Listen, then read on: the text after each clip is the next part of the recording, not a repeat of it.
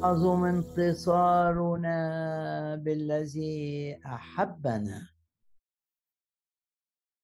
بالذي أحبنا.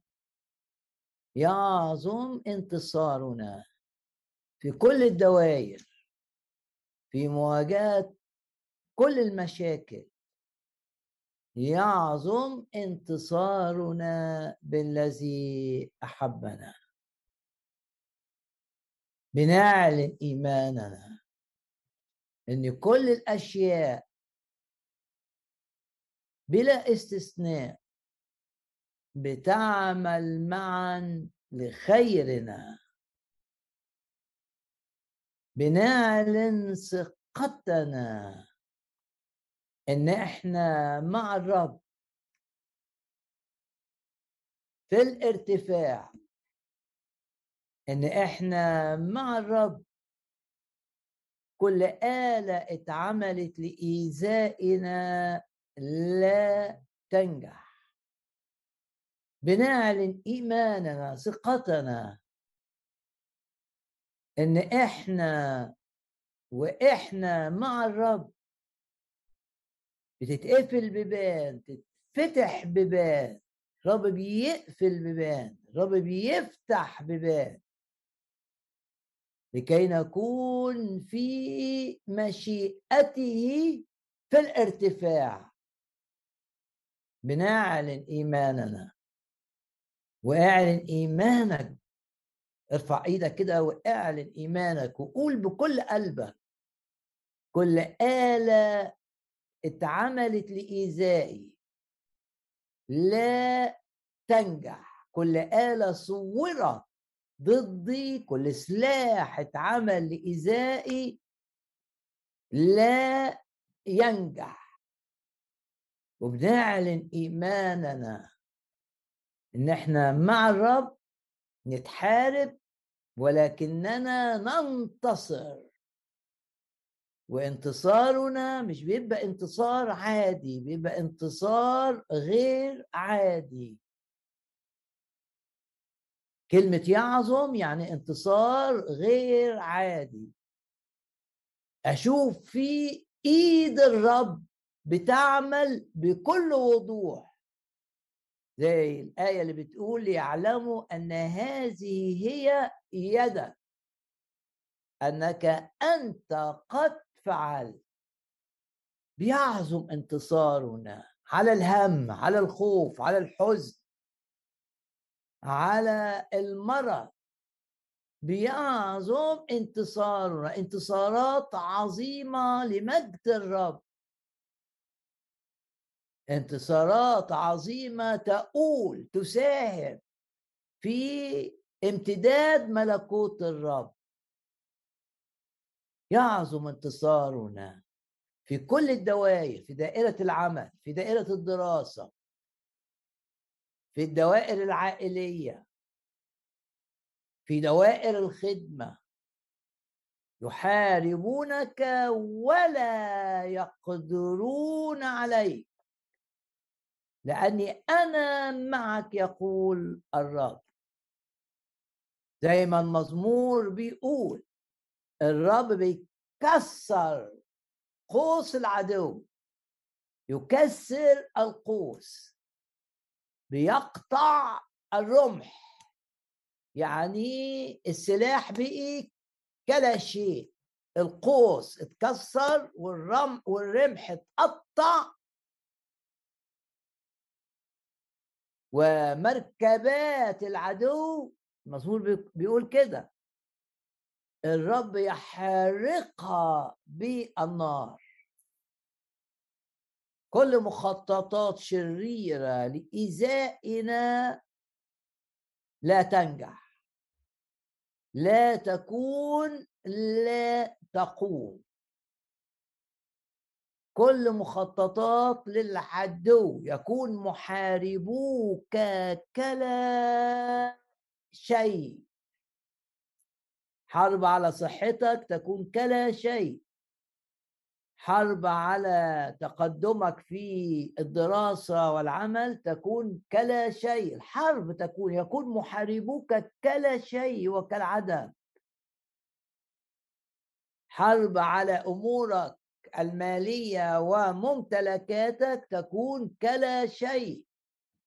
يكون محاربوك كلا شيء وللتأكيد كمالة الآية وكالعدم. في هذه جميعها في كل المواجهات يعظم انتصارنا بالذي أحبنا. ونرنم كلمات المزمور العظيم مزمور سبعة وعشرين. الرب نوري وخلاصي ممن أخاف لا خوف من المستقبل. لا تتوقع لا تتوقع هزائم لك لا تتوقع خزي لك لا تتوقع خسائر لك. توقع أن الرب يتمجد معك. طلع لك من الحاجة الوحشة حاجة كويسة. يخرج من الجافي حلاوة ومن الآكل يطلع أكل. توقع أعمال الرب العظيمة المجيدة؟ وقول كده معايا من مثلنا شعب منصور بالرب؟ في آية تقول من مثل الرب إلهنا في حبه لا مثل له في قوته. لا مثل له في رعايته لا مثل له في أمانته لا مثل له. النتيجة الكلمات التي قالها موسى وكثيرا نتذكرها. لأنها كلمات عظيمة. ألا في نهاية حياته. برغم كل اللي شافه من أمور سيئة في الشعب لكن الشعب ظل شعب الرب. لم يتخلى الرب عن شعبه برغم كل العيوب اللي بنشوفها لما بنقرأ أسفار موسى الخمسة. كل العيوب كتيرة متنوعة. مع كده لم يتخلى الرب عن شعبه. وإذا كان الرب لا مثل له فبنشوف آه، كلمات تثنية 33 أول حاجة ليس مثل الله. نعم. من مثل الرب إلهنا. دي آية 26 وبعدين؟ طوباك أيها الشعب. من مثلك يا شعبا منصورا بالرب؟ أنت قول كده أنا من هذا الشعب المنصور بالرب. ولهذا أثق بالنعمة إن في الرب بيتعامل معايا بنعمة بيتعامل معايا برحمة أخطائي لها نتائج لكن بسبب الرحمة بتاعة الرب يحول نتائج أخطائي إلى بركات حول اللعنة إلى بركة لأنه بيحبني.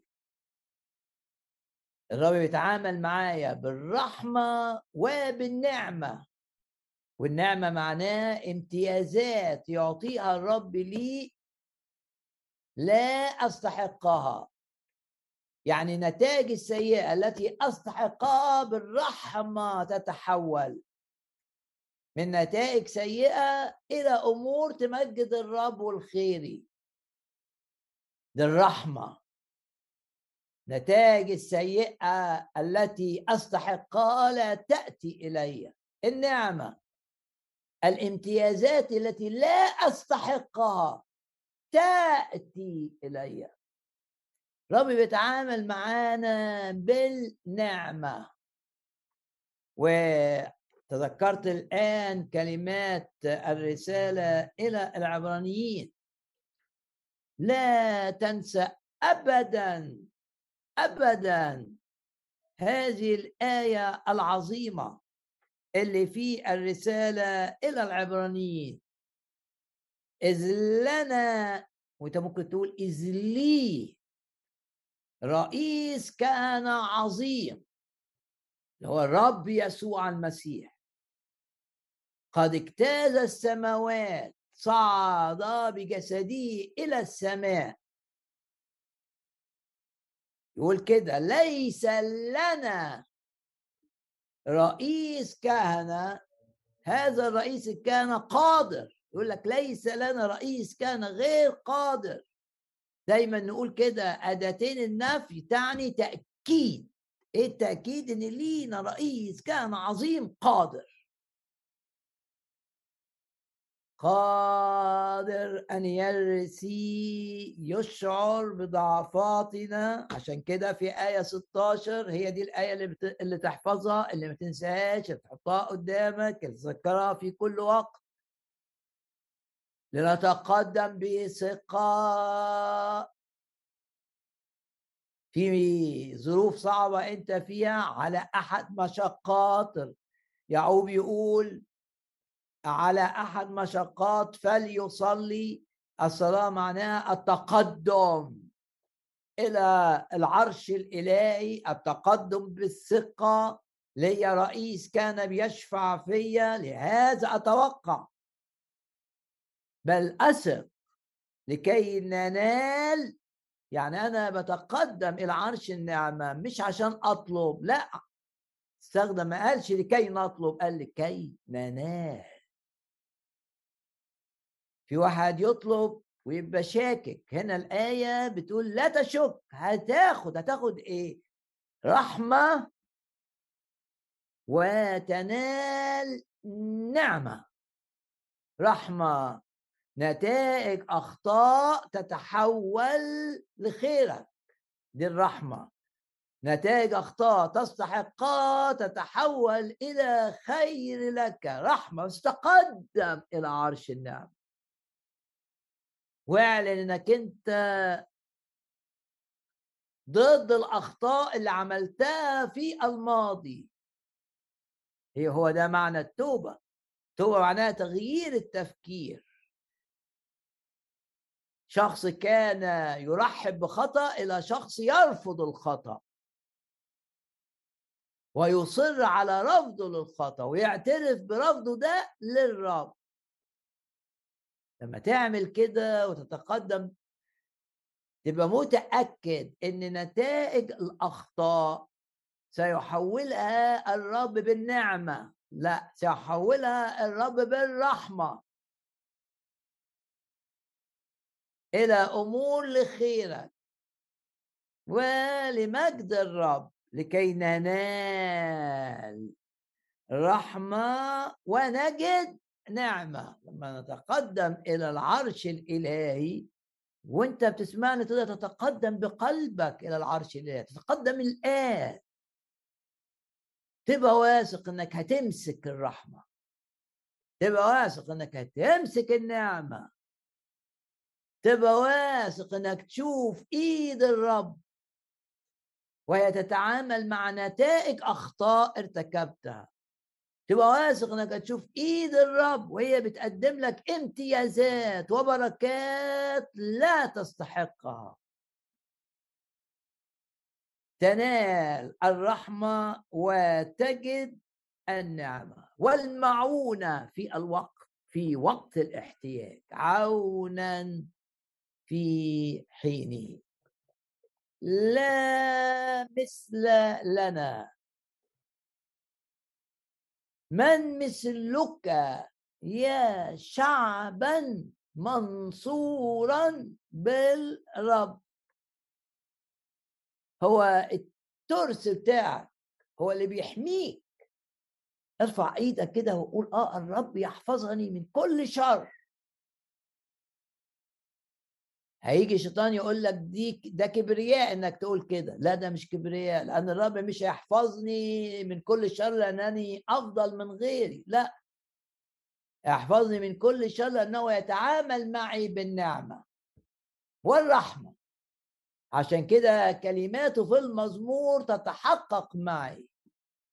لأنه يحفظك من كل شر. هو الترس معناه كده. ولما نقرأ في سفر المزامير كلمات داود العظيمة أما أنت يا رب ده مزمور ثلاثة لما قال كثيرون قائمون ضدي يا رب ما أكثر مضايقي حاجات كتير ضغط عليا. والكلمات اللي بسمعها كلمات تشككني في أمانتك لكن لن أشك. كثيرون يقولون لنفسي ليس له خلاص بإلهي. وبعدين يرد على نفسه كده ويقول للرب أما أنت يا رب فترسن لي. الرب ترسن ومجن الرب حماية مؤكدة. والترس هنا في اللغة العبرية معناه حاجة بتحيط بالإنسان لتحميه من سهام ملتهبة يعني رؤوس السهام فيها نار. لكن تيجي على الترس اللي ماسكه الجندي وتنطفئ النار فيه مجرد بس إنها تلمس الترس. أما أنت يا رب فترسل لي النتيجة إنك أنت يا رب مجدي ورافع رأسي. من مثلك يا شعبا منصورا بالرب. الرب هو ترس عونك وسيف عظمتك.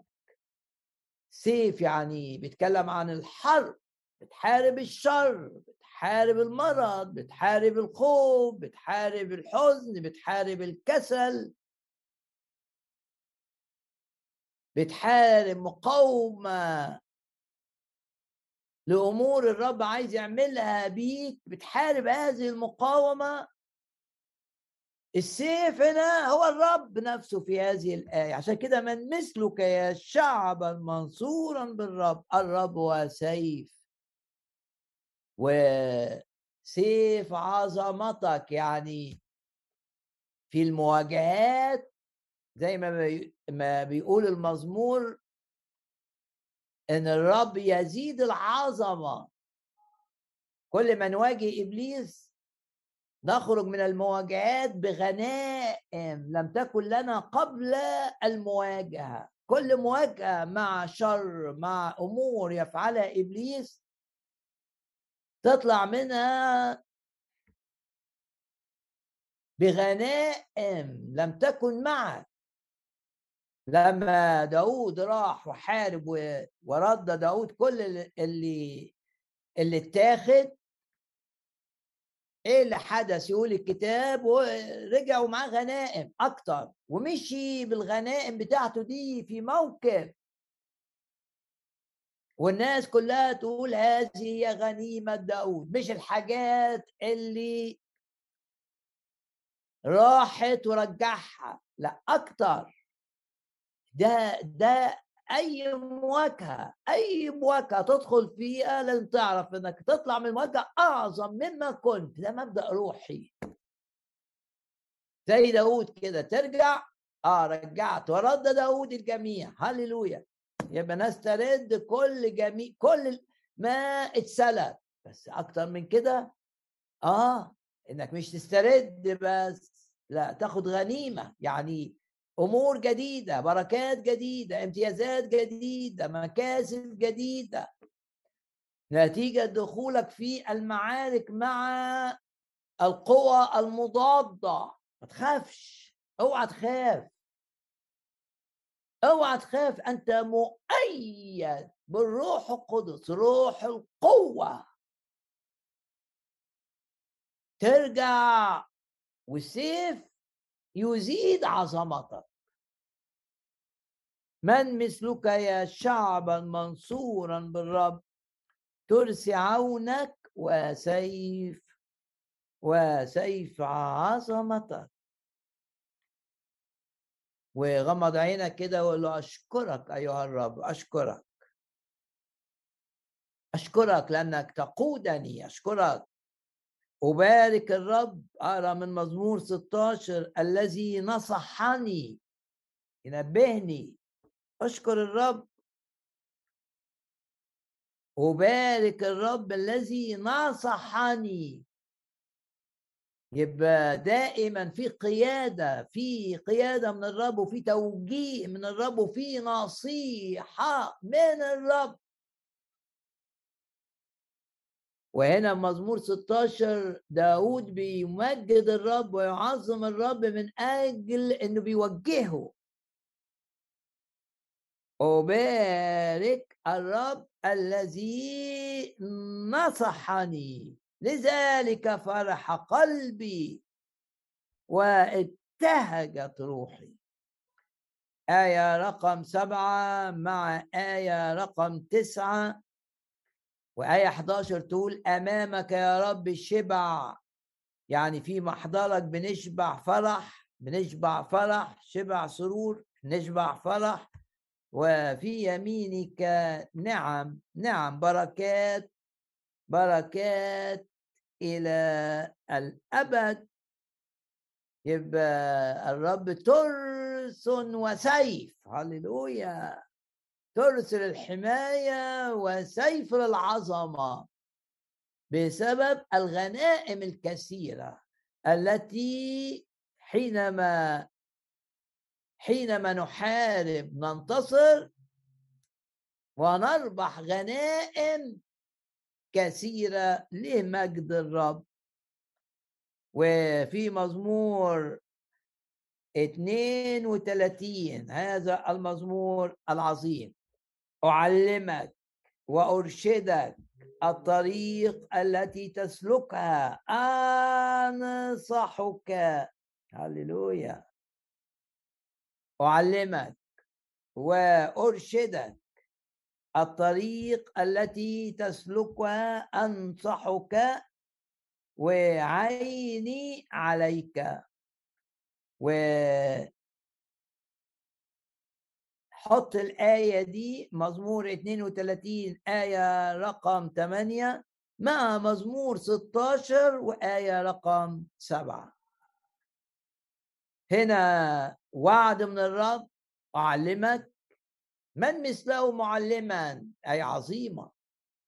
قل يا رب علمني. وأرشدك قل يا رب ارشدني. ارشدني ماذا أفعل ومتى أفعل؟ عشان أعمل الحاجة الصح في الوقت الصح مع الشخص الصح أو مع الأشخاص الصح.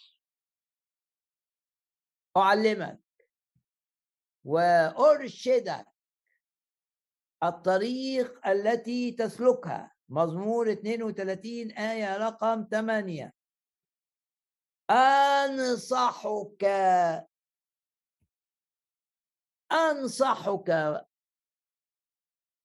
وبعدين حط الآية دي مع آية سبعة في مزمور 16 أبارك الرب الذي نصحني. يعني قيادة الرب ليك. نتيجتها إيه؟ إنك هتبارك الرب. نتيجتها إيه؟ إنك هتسبح الرب. هسبحه أكتر وأكتر وأكتر زي الآية اللي بتقول وأزيد وأزيد وأزيد. من تسبيح إلى تسبيح وأزيد على كل تسبيحة. مزمور 16 وآية رقم 7 مع مزمور 32 وآية رقم 8 مزمور 31 من أجل اسمك تهديني يعني تقودني نعم تهديني توجهني وتقودني. بنعلن إيماننا أن الرب يقودنا. يرشدنا وينصحنا ويقودنا ويقفل بيبان ويفتح بيبان عشان نبقى في مشيئته. من أجل اسمك تهديني وتقودني. يعني من أجل اسمك توجهني تنصحني توجهني آه تملي بالإيمان. إن مش مخك هو اللي بيقودك. إن الرب بيتحكم في حتى في مشاعرك وفي تفكيرك. قل يا رب في يدك مشاعري وفي يدك تفكيري. وقودني انصحني ارشدني.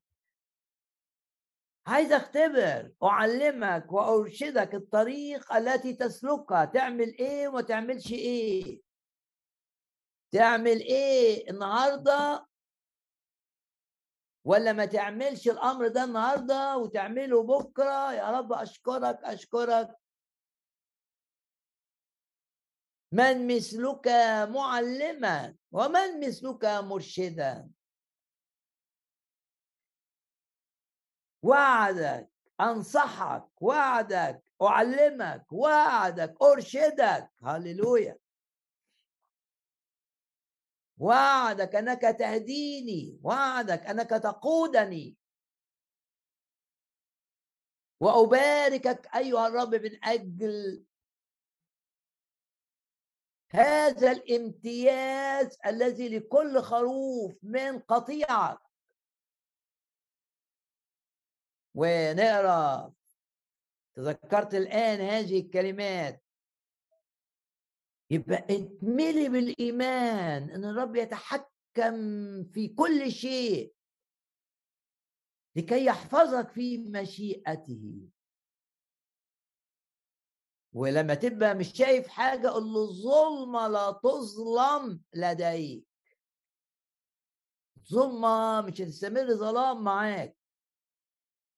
وزي ما بتقول الآية يحول الظلمة أو الظلام إلى صبح. نور. والنور يزيد مع الوقت. كنور يتزايد. آية عظيمة. في يوحنا عشرة لما الرب يسوع شبه نفسه بالراعي قال إيه؟ إنه متى أخرج خرافه يذهب أمامها. يعني بيقطها يبقى هو ضامن أن أكون سائرا في مشيئته. قل يا رب أنت ضامن ده. أنت الراعي الذي تضمن لي ان زي الخروف لما آجي أطلع يمين أو أطلع شمال عندك عكاز طرفه نص القوس تشد الخروف الراعي بيشد الخروف بيه عشان يرجعه. عندك ده؟ عشان كده أنا متعزي عصاك وإيه؟ وعكازك.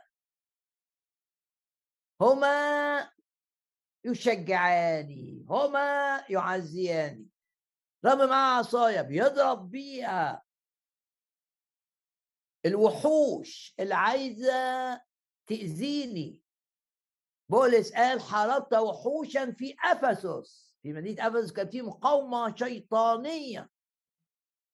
لكن بنقرأ في رسالته وفي أكثر من رساله انه كان بيصلي والناس بتصلي النتيجة الرب معاه عصاية يضرب هذه الوحوش.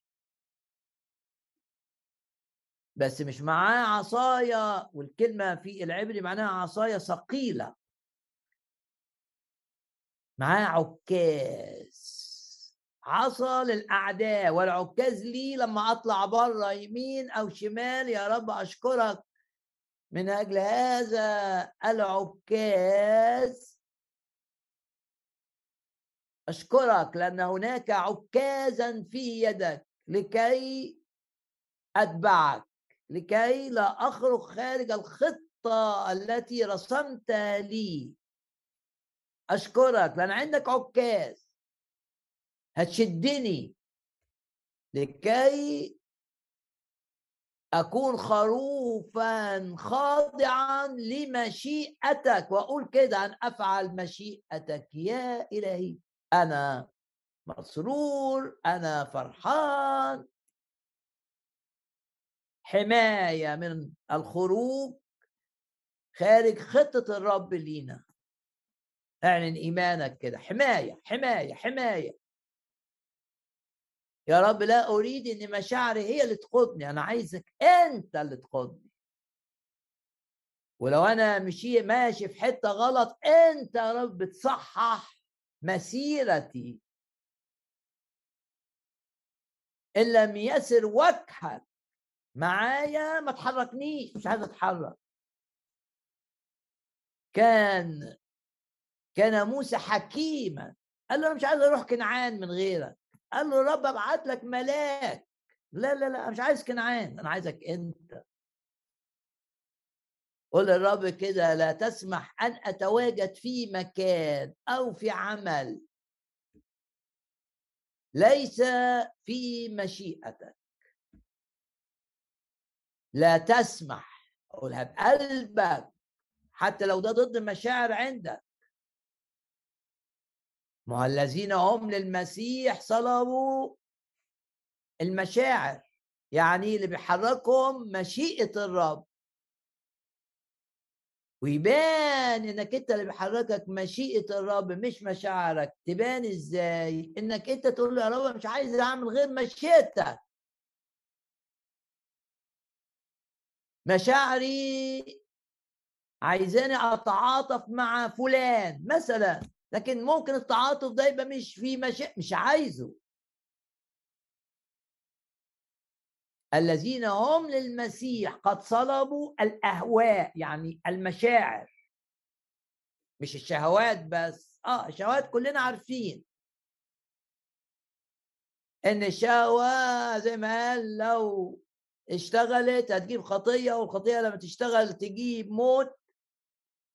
معروف صلبوا الشهوات لكن صلبوا الأهواء الميول. قل للرب كده لا تسمح أن أنقاد بميولي برغباتي. ما تسمحش ابدا إن أنا أقول إني آه، دي مشيئتك وهي في الواقع رغبتي أنا مش مشيئتك أنت لازم لأن القلب أخدع من كل شيء. تقول لي طب إذا القلب هيخدعني طب ما أنا آه ممكن القلب يقول لي ده الرب اللي عايزك ما تعملش كده ومش الرب ده أنت اللي مش عايز. أقول لك آه. ممكن يحصل ده لو أنت مش مسلم مشيئتك للرب في الصلاة. إنما دي من أمانة الرب. لو أنت سلمت مشيئتك للرب قلت أنا مش عايز أعمل مشيئتي ايا كانت حتى لو كانت مشيئتك ضد كل طموحي وكل ضد رغباتي. لما تقول للرب كده في الصلاة الرب يستجيب للصلاة. لن يسمح للقلب أن يخدعك. لن يسمح للطبيعة القديمة أن تؤثر عليك. لن يسمح لي عواطفك أن تكون غير مصلوبة. مصلوبة يعني ما بتتحركش. الذين هم للمسيح قد صلبوا الأهواء. أشكر الرب من أجل العكاز أشكر الرب من أجل إيه؟ إنه بيقفل باب ويفتح باب. وصلاة موسى صليها بقلبك إن لم يسر وجهك مش عايز أتحرك من مكاني. إن لم يسر وجهك يعني إذا وجهك يعني حضورك الشخصي إذا حضورك الشخصي مش هيبقى ماشي معايا يعني. يعني معناه إن لو أنا مش ماشي في مشيئتك ما تحركنيش مش عايز كنعان. آه الناس تفرح بملاك يقوتها لكن أنا لأ أنا مش عايز ملاك. أنا عايزك أنت لاني معاك خير ورحمة يتبعانني كل أيام حياتي. خير ورحمة يتبعانني كل أيام حياتي. لو بتخدم الرب أطلب أنك أنت تبقى في مشيئة الرب في كل تفاصيل الخدمة.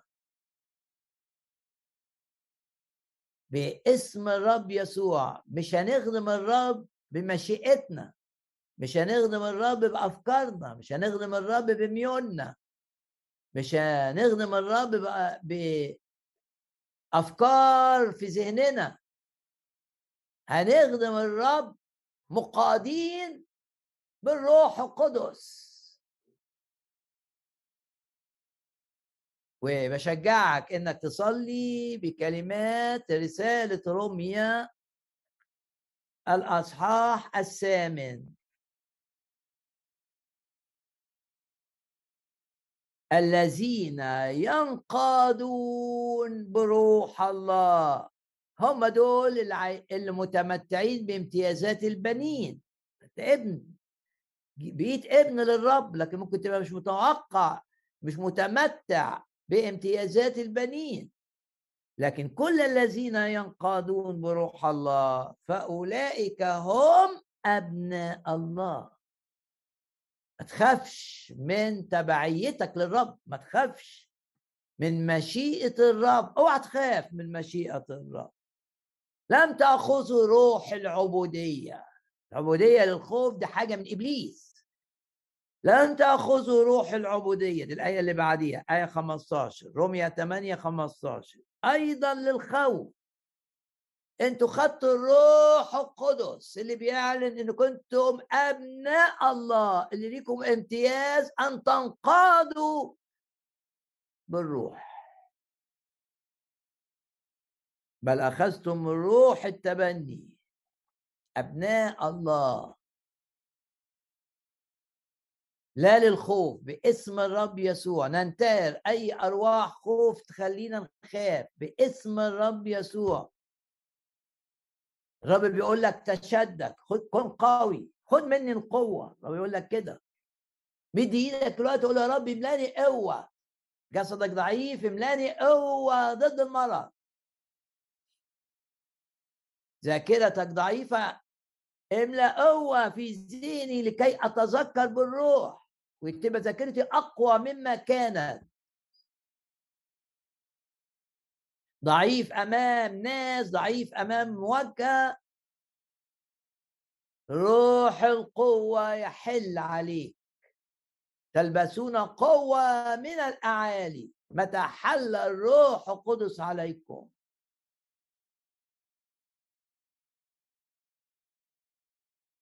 الخوف ده مش من الرب اللي بيعذب الإنسان. واللي بيخلي الإنسان ما يعرفش ينام. ننتهر روح الخوف ونمتلئ بالروح القدس. مكتوب ولما صلوا امتلأ الجميع بالروح. بنصلي. الاجتماع ده مش مجرد إنك تسمع وعظة. صلي معايا. ان تمتلئ بالروح. فتنقاد بالروح فتتحرر من كل خوف.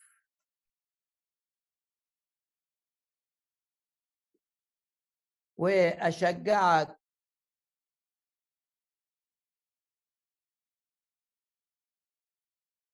بآية من سفر نحمية. سفر نحمية من الأسفار التاريخية. زي شعب الرب بقية نحمية وجهه إن المدينة العظيمة بتاعتهم أورشليم بلا أسوار بلا حماية.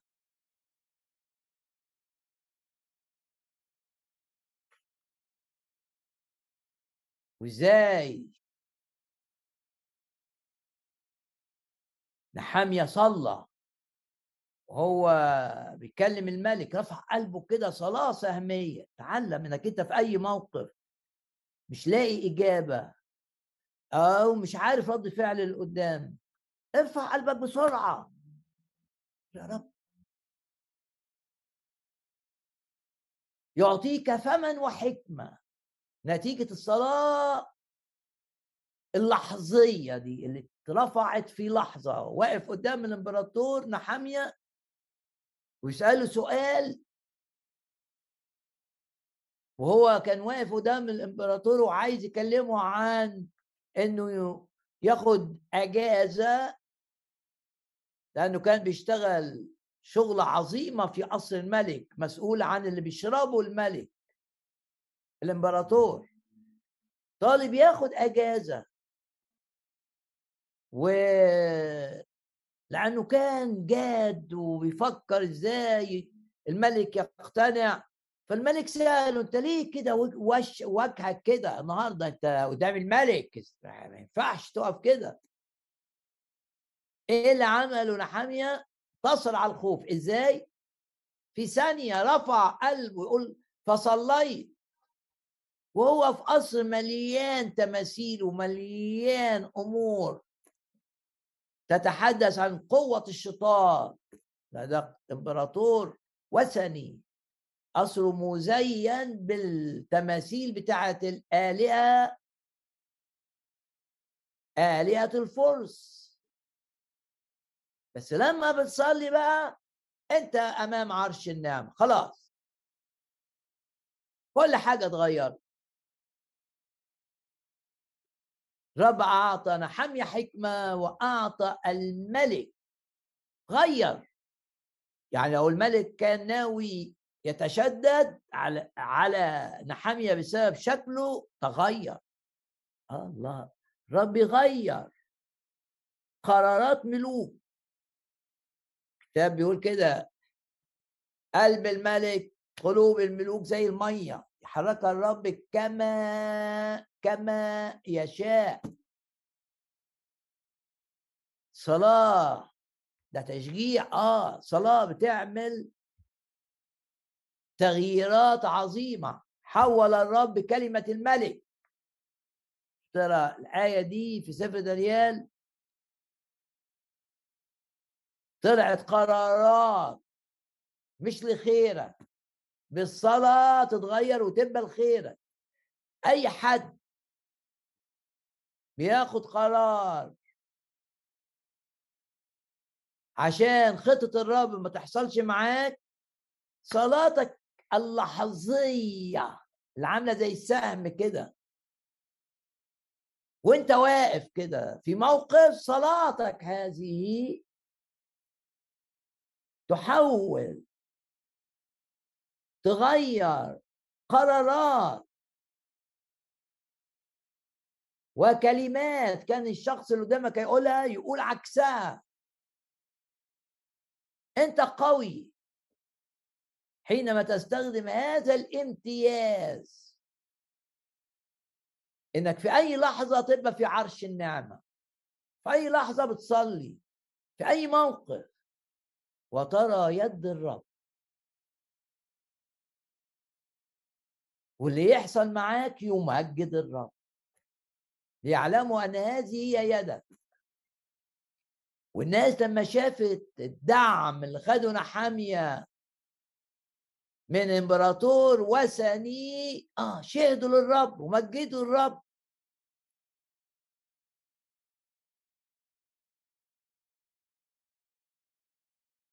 سفر نحمية بناء أسوار أورشليم. وأرى لك آه، آية للتشجيع.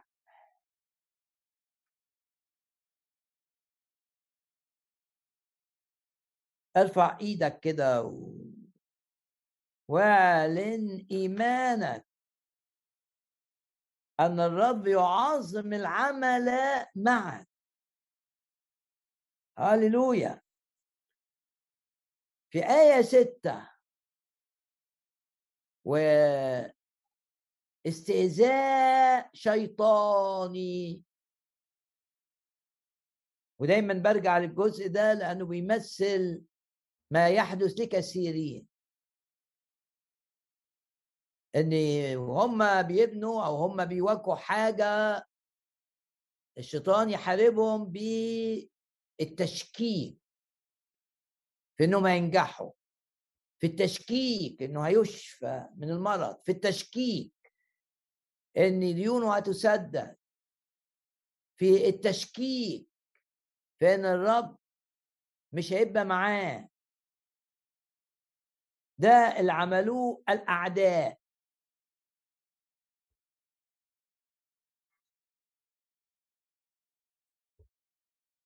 ماذا يعمل اليهود الضعفاء؟ هل يحيون الحجارة من كوم التراب المحروق؟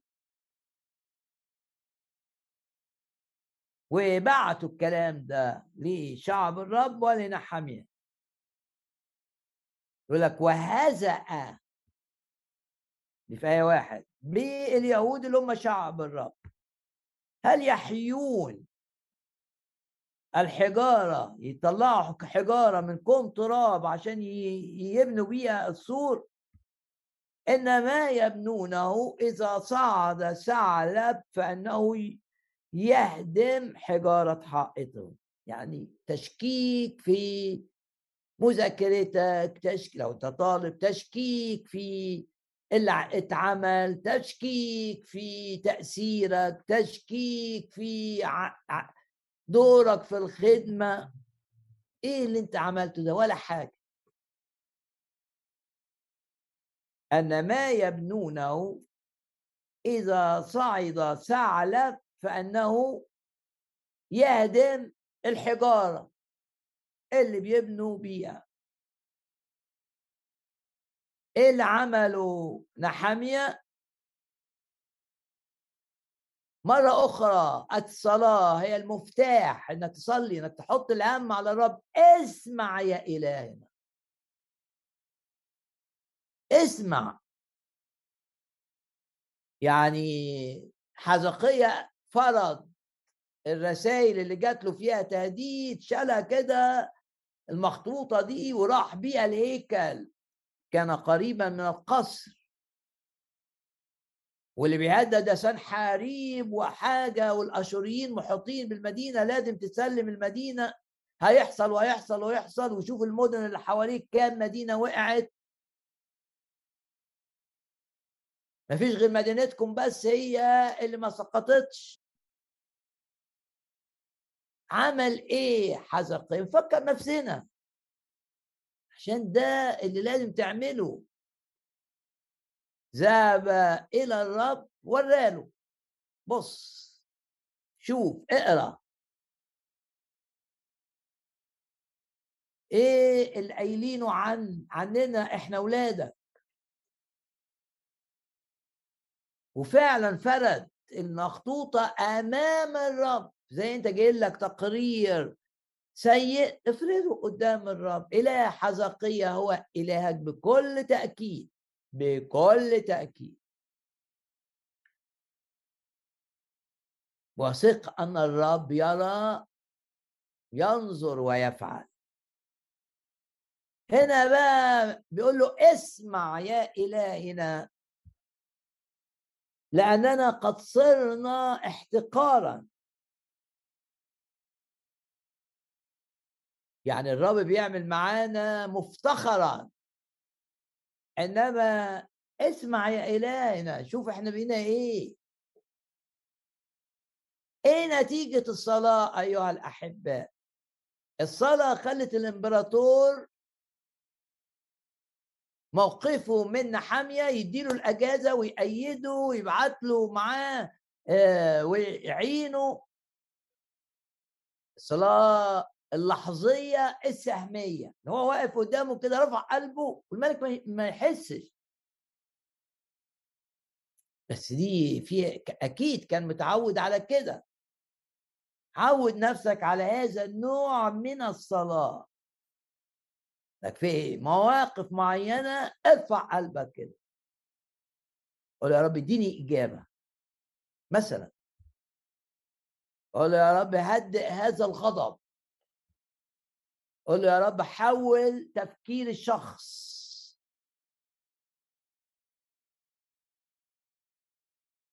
قول للرب كده صلوات لحظية في لحظة سهمية. بلا مقدمات كثيرة هي بس كده يا رب كذا كذا ما هو هنا بيقول.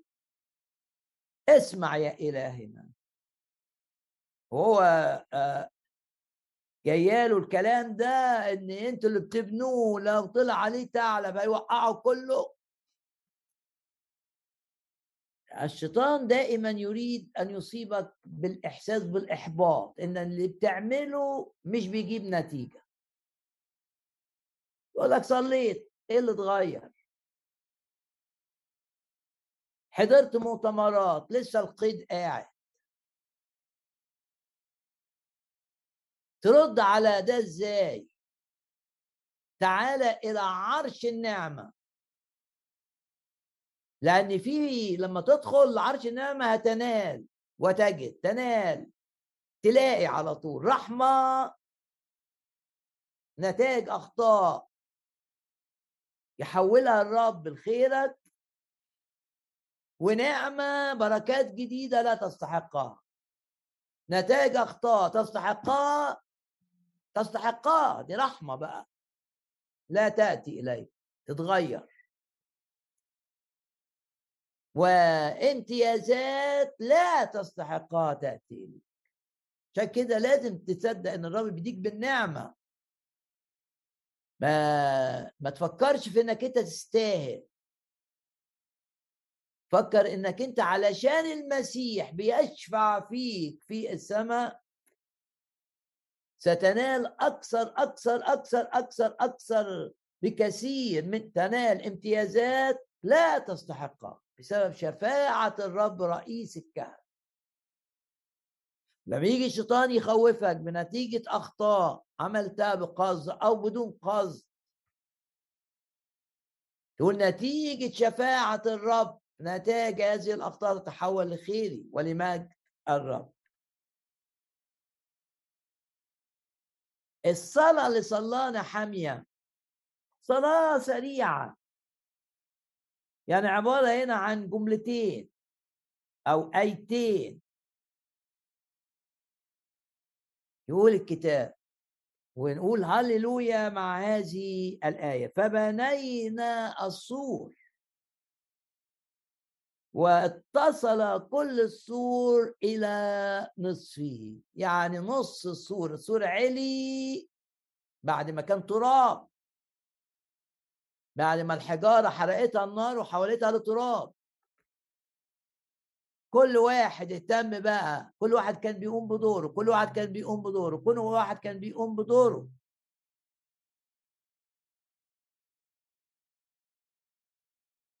النتيجة السور علي لنص الارتفاع المطلوب. الذي بدأ فيكم يكمل. وصلوا لنص الارتفاع هيوصلوا لكل الارتفاع. لما صلوا كلمات السخرية ما أثرتش فيهم. بل رفعت إيمانهم. إن الرب هو اللي بيحامي إن الرب هو اللي بيأيد.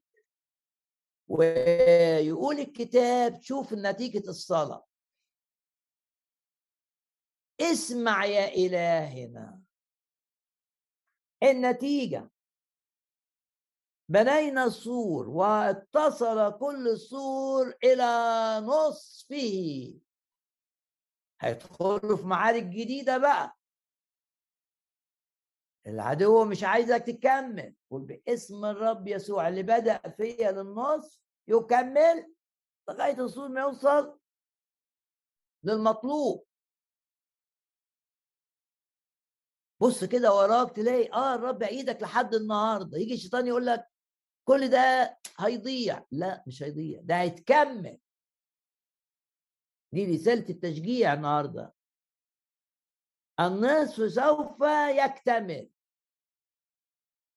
نصف الشفاء سوف يكتمل إلى شفاء كامل. نصف إزالة الألم سيكتمل إلى إزالة كاملة للألم.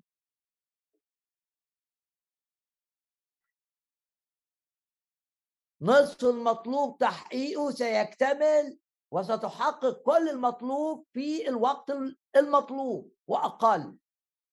عشان دي بركة الرب تختزل الوقت. بتعمل في ساعتين بالنعمة يتعمل في ساعة. اختزال للوقت المركب لما دخلها الرب يسوع كانت لسه بقى هتقعد كذا ساعة. لا لا لا لا. الرب عوضهم وفي نفس اللحظة ليه المركب اللي راكبين فيها وصلت للشاطئ اختزل الوقت أو يعني خلى الوقت يبقى بركة إن الوقت يقل الوقت المطلوب كده وأنت تعمله في نصه في ربعه وده اللي حصل في بناء السور. وعشان كده الكتاب كان حريصا إن السور ده اتبنى وكمل السور وكاتب التاريخ. آه لأن كمال لما اكتمل دي شهادة للرب. فذكر التاريخ. وفي كام يوم؟ يقول لك في 52 يوم. رقم قياسي. لمدينة مثل مدينة أورشليم أن يعاد بناء السور بتاعها مع مواجهة الأعداء مع التهديد مع مع المناورات.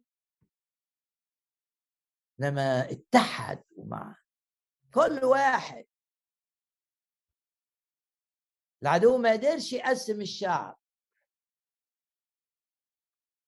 عشان كده السور اكتمل في اثنين وخمسين يوما. ويقول الكتاب اتعكس الأمر. العدو اللي كان متشامخ كده وبيعاير لما لقي إيد الرب في الأمر واختزال للوقت ملحوظ جدا لما سمع كل أعدائنا ورأى جميع الأمم الذين حوالينا سقطوا كثيرا. قالوا هم صغر نفس. في أعين أنفسهم. باسم الرب يسوع ده دائما يحدث معنا. الشر ضدنا كل قوى الشر تصاب بصغر نفس نتيجة اللي بتشوفه في من تأييد إلهي لنا. مصدق ان الآية دي ليك؟ ارفع إيدك كده آه. يقول كده الكتاب سقطوا كثيرا في أعين أنفسهم. هم كانوا عايزين نحامية واللي معاه يسقطوا في أعين أنفسهم. يجي لهم إحساس بالإحباط يجي لهم صغر نفس يجي لهم إحساس بالعكس. نتيجة الصلاة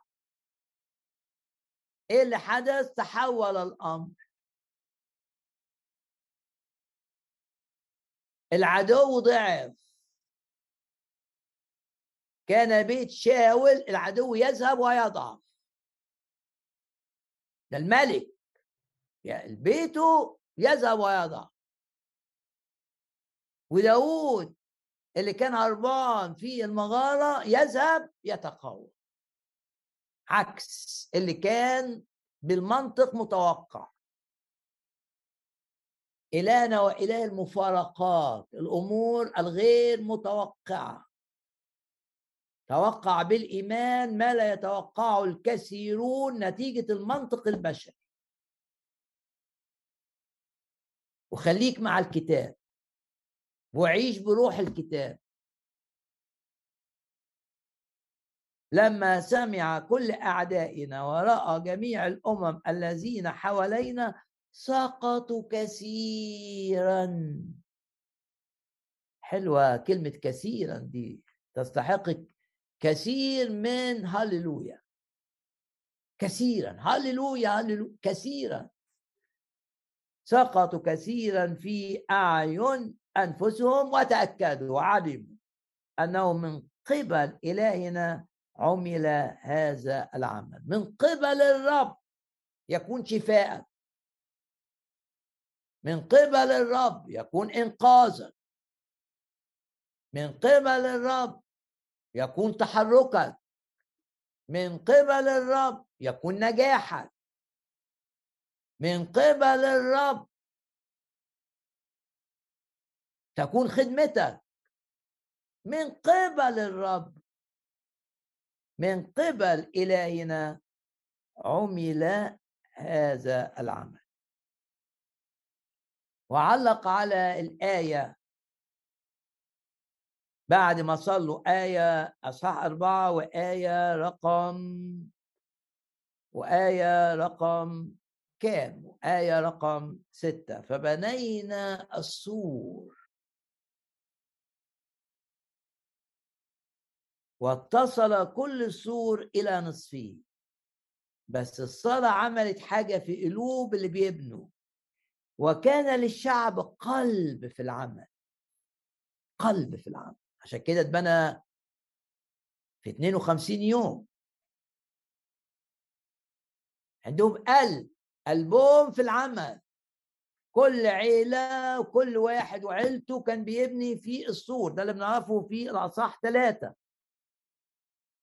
كلهم كان للشعب قلب في العمل. يعني كل واحد بيعمل دوره بحماس. قلبه في عمل من الرب في دوره في خدمة الرب قلبه في هذا الدور قلبه مش في النميمة قلبه مش في النقد. قلبه مش في أفكار خصام.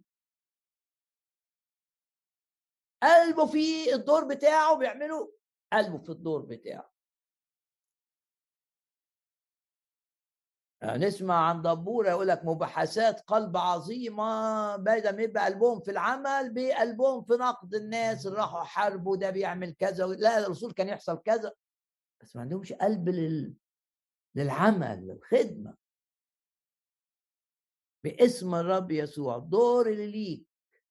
لامتداد ملكوت الرب. خلي قلبك فيه.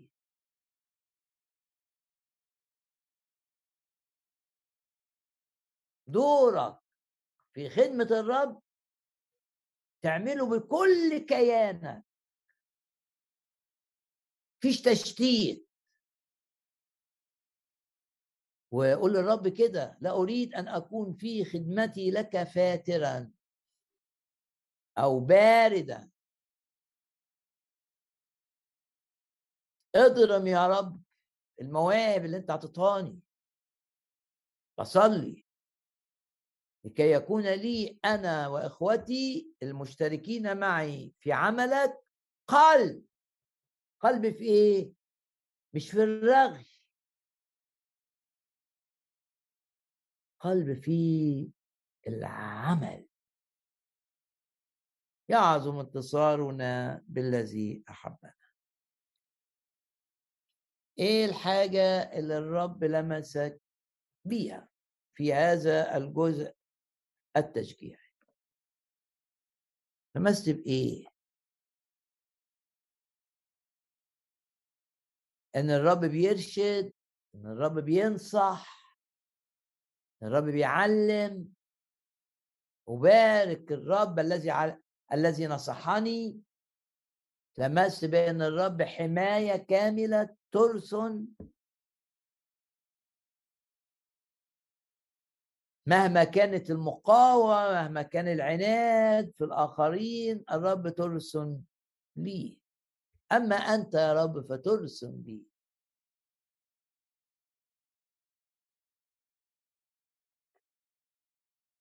منتقل للجزء الدراسي.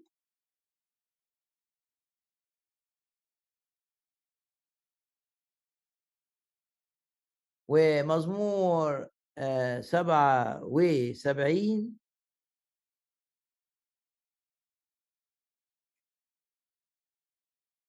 وبداية المزمور عكس نهايته. وده في حد ذاته رسالة قوية. أو الجزء الأولاني عكس الجزء النهائي. الجزء الأولاني هو تعبان جدا. وبيقول إن النفس بتاعته مش مش عايزة تتعزى. شوف التعب اللي كان عند لو خدنا لإمام المغنيين على يدوسون لآساف إن يدوسون ده واحد من القادة اللي كانوا بيسبحوا مع آساف فأساب بيصور اللي جاز فيه يد سور لكن في ناس يقولوا يدسون هو طبعا كان واحد من القادة الثلاثة بتوع التسبيح. وكان في ظروف نفسية صعبة جدا.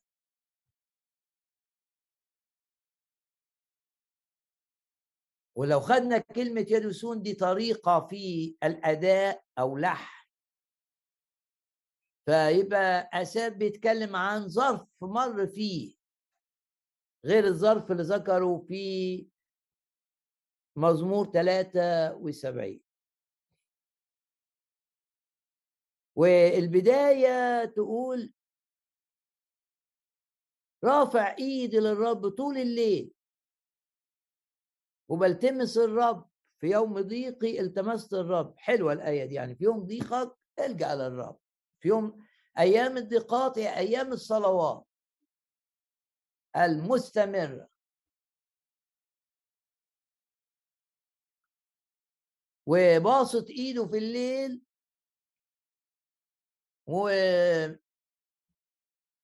ومستمر رفع إيده للرب لكن نفسه مش قادرة تتعزى وكل ما يفكر في الرب يئن. أذكر الله فأئن. زي أيوب كده لما مرة قال أتأمل في أرتعب منه. آه ده اللي حصل لي إن نفسه مش قادرة تتعزى. ليه؟ هو في ظروف ما نعرفش هي الظروف دي إيه لكن تسببت في ضيق نفسي شديد شديد شديد. وبيصلي. بنفسه كما هي مش راضية تتعزى. ويفكر في الرب يئن. ويقعد يكلم نفسه ويلاقي روحه طبقت عليه. ومش بينعس. وانزعج بيعمل كل حاجة. يفتكر الأيام اللي كان بيرنم فيها في الليل فيقول ارن مش نافع. اذكر ترنمي في الليل. حلو طبعا. موت الأغاني في الليل. إن في الليل الرب يخليك ترنم. بدل ما مخك يلف زي الطاحونه والترنيم بيبقى فيه لو متاخدة ترنيمة من الكلمة هتبني إيمانك. هتنعش روحك هتزيل مخاوفك.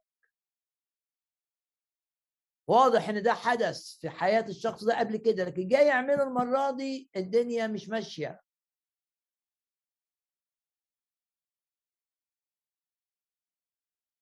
تفكرت في أيام القدم. أذكر ترنمي في الليل. ويبتدي بقى يبحث ويشوف وليه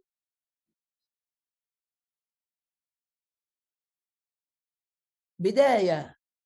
آه ممكن ناس يحصل لها كده أحيانا. آه ليالي من الجفاف. النفس من جوه مش مش قادرة تتعزى بيعمل كل حاجة مش قادرة تتعزى وابتدى بقى يتكلم الرب بأسئلة. طب أنا مش قادر اتعزى ليه؟ طب أنا مش قادر يح... مش بيحصل لي زي اللي كان بيحصل لي قبل كده ليه؟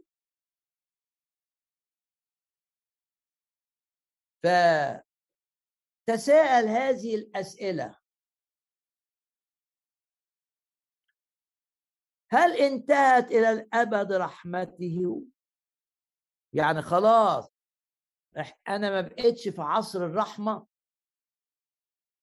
هل انقطعت كلمته؟ يعني كلمته اللي كان بيحققها وكنت أتمسك بيها خلاص ما عادتش كلمة تتحقق. هل الرب نسي إن هو عنده رأفة؟ هل نسي الله رأفة؟ أو قفص يعني ضغط كده بغضبه فمنع الرحمة بتاعته دي لأنه باسط إيديه ونفسه مش قادر تتعذب. فكر في الرب مش بيتعذب يفكر في ذكريات مشجعة حدثت لي وكما هو.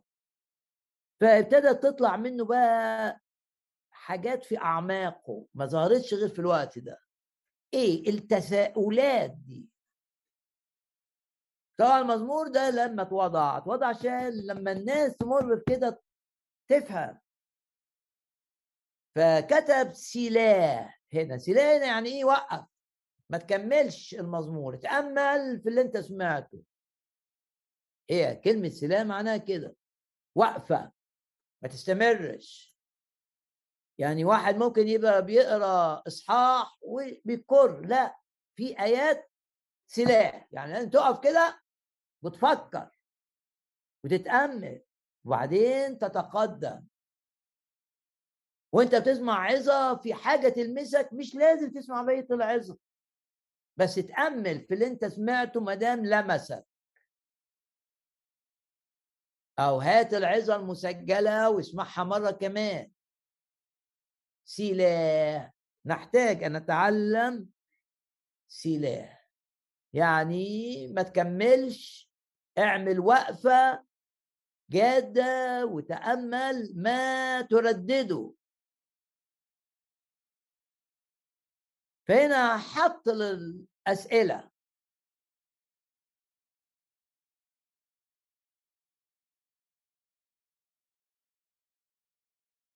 هل إلى الظهور يرفض الرب؟ هل الرب بيرفض؟ على النهاية يعني؟ ما خلاص ما, ما فيش. ده أنت هنا ممكن تحط بقى الإجابة. حط بعض الإجابات. إجابة كتابية لما تجيلك أسئلة من هذا النوع. هل رفض الله شعبه؟ عارف الآية دي؟ عشان كده دايما نقول إن في مستقبل للشعب الله بتاع العهد القديم. إنه ما انتهاش. وده رسالة روميا أصحاح كام؟ أصحاح 11 شوف بقى الآية بتقول إيه؟ روميا 11 أقول لعل الله رفض شعبه حاشا مستحيل. آدي الإجابة. هل إلى الظهور يرفض الرب ولا يعود للرضا بعد؟ آدي الإجابة. حاشا. لعل الله رفض شعبه حاشا. رومية 11 أول آية. السؤال الثاني هل انتهت إلى الأبد رحمته؟ الإجابة لا. أقرأ لك آية من مزمور 46 اعلن إيمانك كده إن الرب عظيم في حياتك. مزمور 52 رحمة الله هي كل يوم. أدي الإجابة. هل انتهت؟ لا. مراحمك جديدة في كل صباح مراسي أرمية. هل كلمته وقفت خلاص مش هتتحقق؟ الإجابة عبرانيين. يبقى بجاوب بكلمة الرب على اللي جوه وحش اللي بيطلع ده في وقت الضيقة وفي وقت ما فيش تعزية في وقت تأخر الشفاء. مزمور عظيم مزمور سبعة وسبعين. لأنه بيعالج ده. صلي كتير عشان المشكلة تنتهي ما انتهتش. هل الرب ما بيحققش كلمته؟ هل يجي وقت الرب بيرفضني؟ هل خلاص جه وقت ما فيش رحمة من الرب؟ عبرانيين ستة. و شوف آية كام؟ 18 بأمرين عديمي التغير لا يمكن أن الله يجذب فيهما. كلمة وهنا كان في القسم بتاعه. ما يتغيروش. لا يمكن أن الله يجذب فيهما تكون لنا تعزية قوية تشجيع قوي. نحن الذين التجأنا لنمسك بالرجاء. ده عبرانيين ستة وآية رقم 18 إجابات على هذه هل نسي الله رأفة إزاي؟ لما ده لما ظهر لموسى خروج أربعة آه، وثلاثين إجابات لأسئلة طلعت في الوقت ده كانت مدفونة جوه طلعت مع الضغط. مع إنه بيصلي وكأنه بيكلم السقف. ما أحيانا الرب يعمل كده عشان يطلع الحاجات دي يطلع اللي جوه. وتلاقي نفسك فين؟ فين الإيمان؟ مفيش إيمان. تيجي تسأل أسئلة. وردود هذه الأسئلة الردود العظيمة في كلمة الرب. نادى الرب إيه؟ إله رحيم ورؤوف. دي صفة. دي سمة لا تتغير. رؤوف. هل نسي الله رأفة؟ ولا غضبه قفص يعني حد ما رحمه. الإجابة لا. ويرى لك آية يعني في أكثر من آية يعني في هوشع مثلا أصحاح 11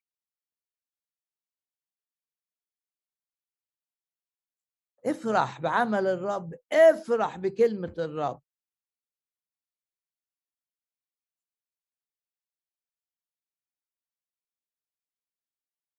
لا أجري حمو غضبي. تسعة. لا أعود رغم أفرايم كان وحش. أخرب إفرايم. ليه؟ لأني الله لا إنسان. القدوس في وسطك فلا آتي بغضب. رغم أنه كان غضبان عليهم لكن عمر غضب الرب بسبب أخطائنا ما يمنع في الوقت المناسب رحمته إنها تبان.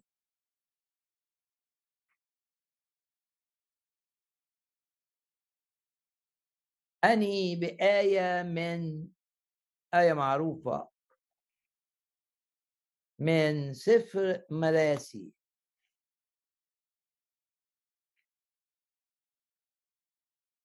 مراسي أرمية الأصحاح الشهير. الأصحاح الثالث. سفر صغير. كتبه أرمية يعرف مكتوب بالشعر. ومراسي ثلاثة أردد هذا في قلبي. أن مراحم الرب لا تزول. هللويا. آية 22 هي جديدة. آية 23 في كل صباح عظيمة أمانتك. كثيرة أمانتك. يبقى ده إجابة هل انتهت إلى الأبد رحمته؟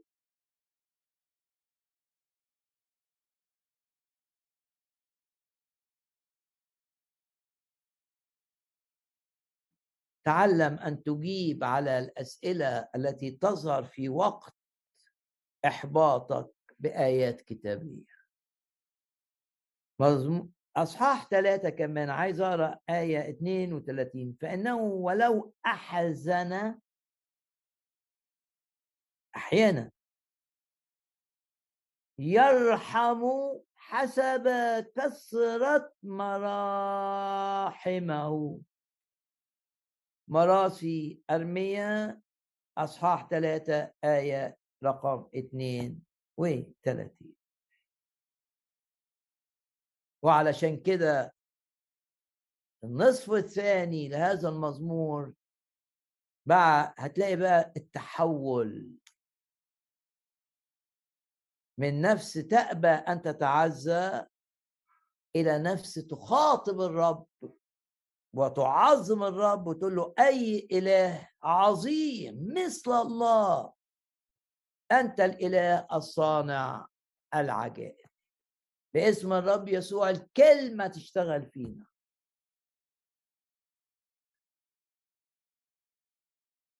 كلمة الرب الحية تشتغل فينا. وتحول اليأس إلى رجاء حي. وتحول الحزن إلى فرح.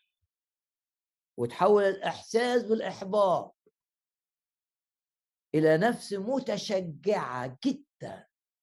الآن يرتفع رأسي على أعدائي من حول نرنم معا الآن.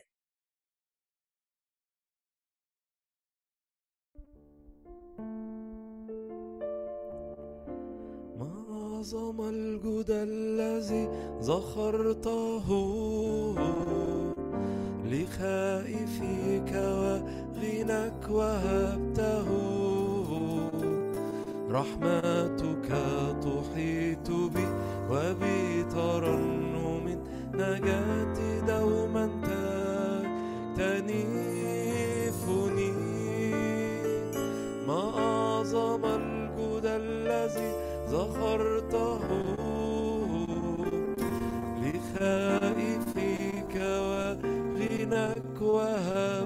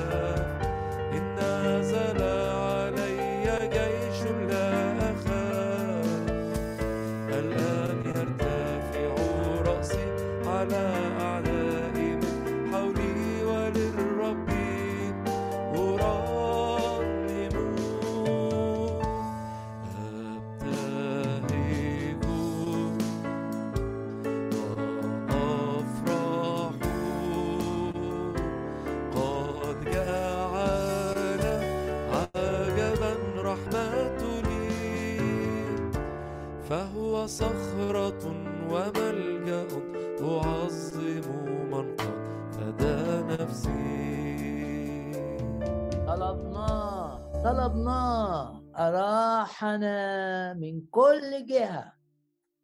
لمسة للمرضى الآن. ضع يدك على مكان المرض. صدق إن الرب يشفيك. آية تقول يشفيك يسوع المسيح. أنا هو الرب شافيك. صلاة الإيمان تشفي المريض. ولو ورى المرض أرواح شريرة ننتهر أرواح المرض.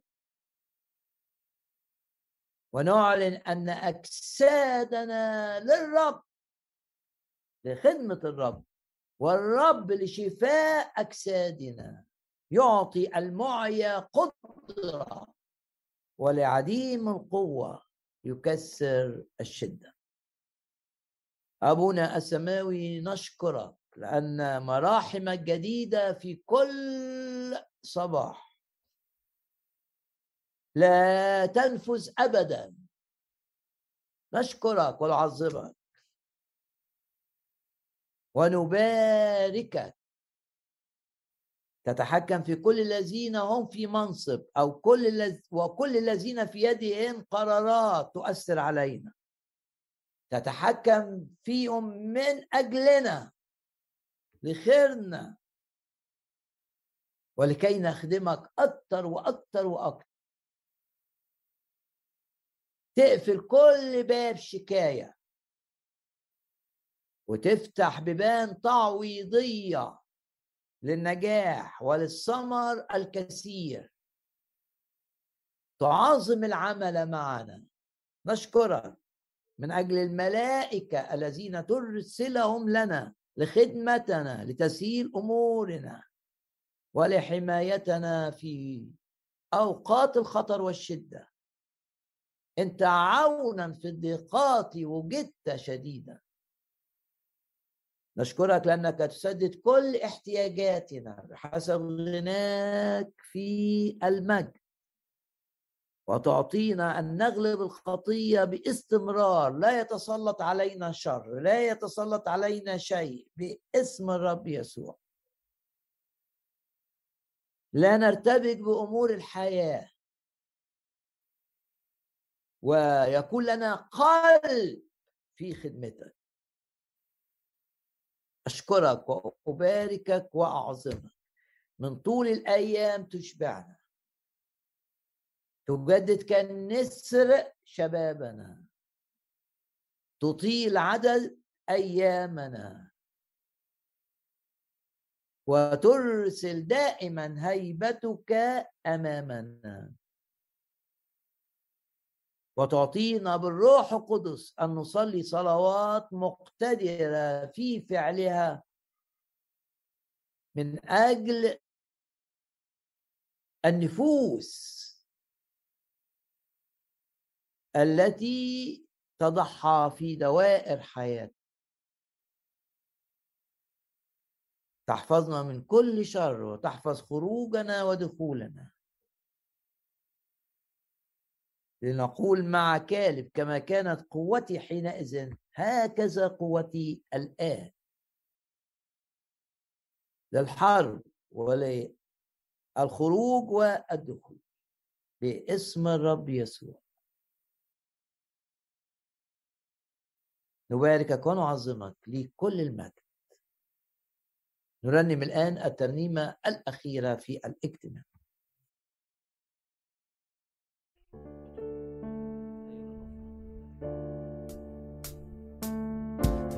لنفرح ولنتهلل